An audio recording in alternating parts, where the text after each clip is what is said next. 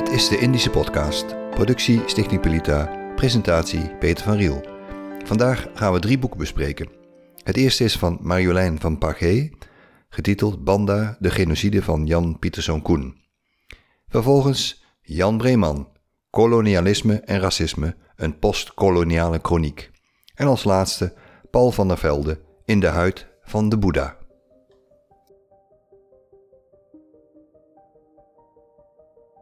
Banda, een speldenprik in de Molukse archipel, was ooit het centrum van een uitgebreid handelsnetwerk in Noordmuskaat en Fuli. Daaraan kwam abrupt een einde toen Nederlandse schepen in 1599 de eilandengroep bereikten. De Nederlanders dwongen de Bandanezen de handel met andere volken te staken en uitsluitend aan de Verenigde Oost-Indische Compagnie te leveren.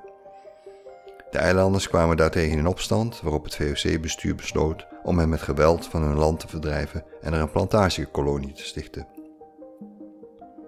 Het gewelddadige optreden in 1621 onder leiding van J.P. Koen was de apotheose van een reeks misdaden waarbij de Bandanese bevolking werd verjaagd, vermoord en tot slaaf gemaakt. In dit boek laat Marjolein van Pagé zien hoe deze volkerenmoord het gevolg was van een vernietigende verdeel- en heersstrategie. Tot zover is er niets aan de hand, niks nieuws ook, gewoon de feiten nog eens op een rij. En dat door een jonge historica, dat valt zeker te prijzen.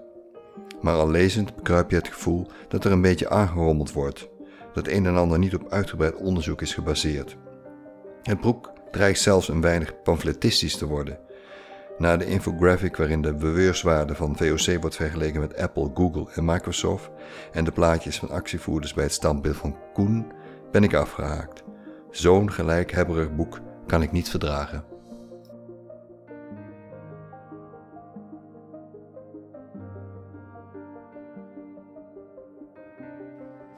We gaan verder met Jan Breeman.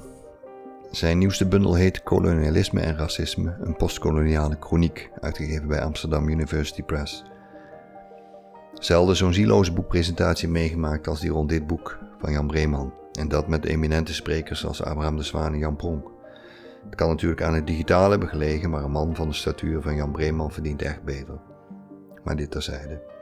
Zowel Pronk als Zwaan wisten in hun eh, inleidingen feilloos de actualiteit te verbinden met de koloniale geschiedenis. De Zwaan herkende in de taal van de voorman van het Forum van Democratie, dat hij consequent het Schorum van Demagogie noemt, een bruin hemd zoals hij in de jaren 30 furoren maakte, ook in Indië.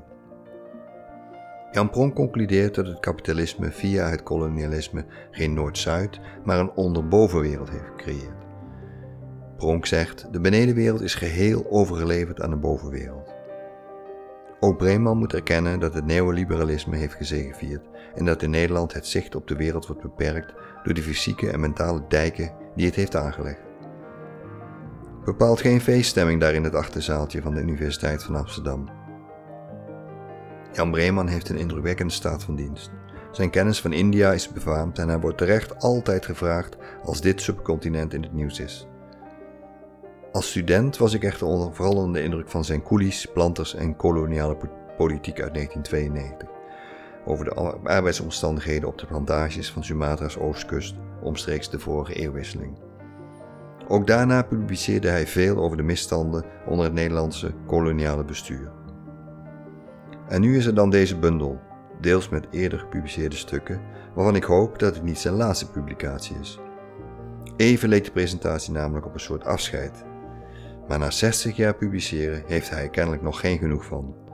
In 14 indrukwekkende essays toont Breeman aan hoe raciale bevooroordeeldheid niet langer zijn pijlen richt op de niet-westerse wereld, maar zich inmiddels diep in de eigen samenleving heeft geplant en, het, en er zijn giftige werk doet. En het begon allemaal in onze koloniën.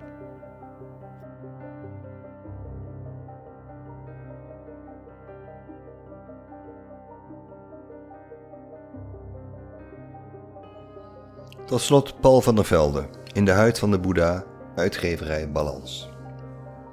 Boeddha is helemaal in, als je tenminste het assortiment Boeddha-beelden in de tuincentra van Nederland mag geloven. Hij lijkt de kabouter aan het vijvertje al aardig te hebben verdrongen. Maar ook in menig huiskamer prijkt een afbeelding van de figuur waar een religie naar werd vernoemd. Zijn wij Nederlanders ineens massaal voor de Oosterse leer gevallen? De werkelijkheid blijkt anders. Net als de gestileerde kat of de houten tulp gaat deze hype eens over. Het is voor menig boeddhist een doorn in het oog. In landen als Thailand en Myanmar zelfs heiligschennis hoe op veel plaatsen hier met de beeldenis van de Boeddha wordt omgegaan. Maar goed, we zijn hier wel meer van het padje geraakt als het om godsdienst gaat of om tuinen.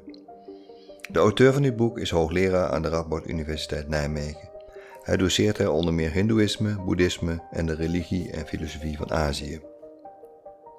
Hij begeleidt ook reizen naar het Verre Oosten en is een vervent verzamelaar van Oosterse kunst. Maar hij is geen monnik. Al ziet hij er met zijn kale hoofd en beminnelijke blik wel zo uit.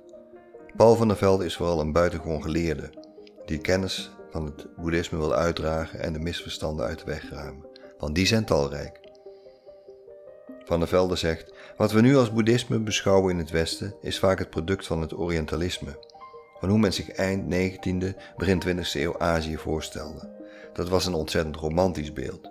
Azië zou een wereld zijn waarin de tijd had stilgestaan en de oude wijsheid nog te vinden is. Het boeddhisme sprak bij velen tot verbeelding. Einde citaat. Westerlingen beschouwen het boeddhisme graag als een spirituele anti-stress-religie. Van der Velde gaat in zijn boek op zoek naar de bronnen van deze religie en laat, zoals de gebeurtenissen met de Rohingya in Myanmar aantonen, een niet altijd vredig beeld zien.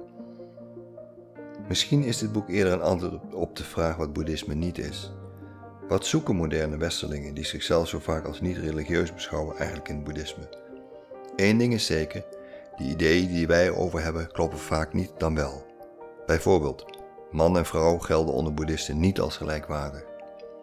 Maar er zijn wel boeddhistische nonnen. De leer is niet per definitie vredelievend en geweldloos, en boeddhisten zijn niet altijd goed geluimd. De Boeddha zelf bleek vaak chagrijnig en depressief. Zo zou het boeddhisme gaan om geluk in het hier en nu, adogmatisch zijn. Het is allemaal niet waar. Volgens Van der Velde is het boeddhisme niet de anti-stress-religie die het Westen er graag vermaakt. Zo moet mediteren boeddhisten niet om een burn-out te voorkomen. Meditatie is juist onderdeel van een spiritueel pad. En dat gaat bepaald niet over rozen. Maar wat is het dan wel? Daar gaat dit boek over en dat in zeer heldere taal.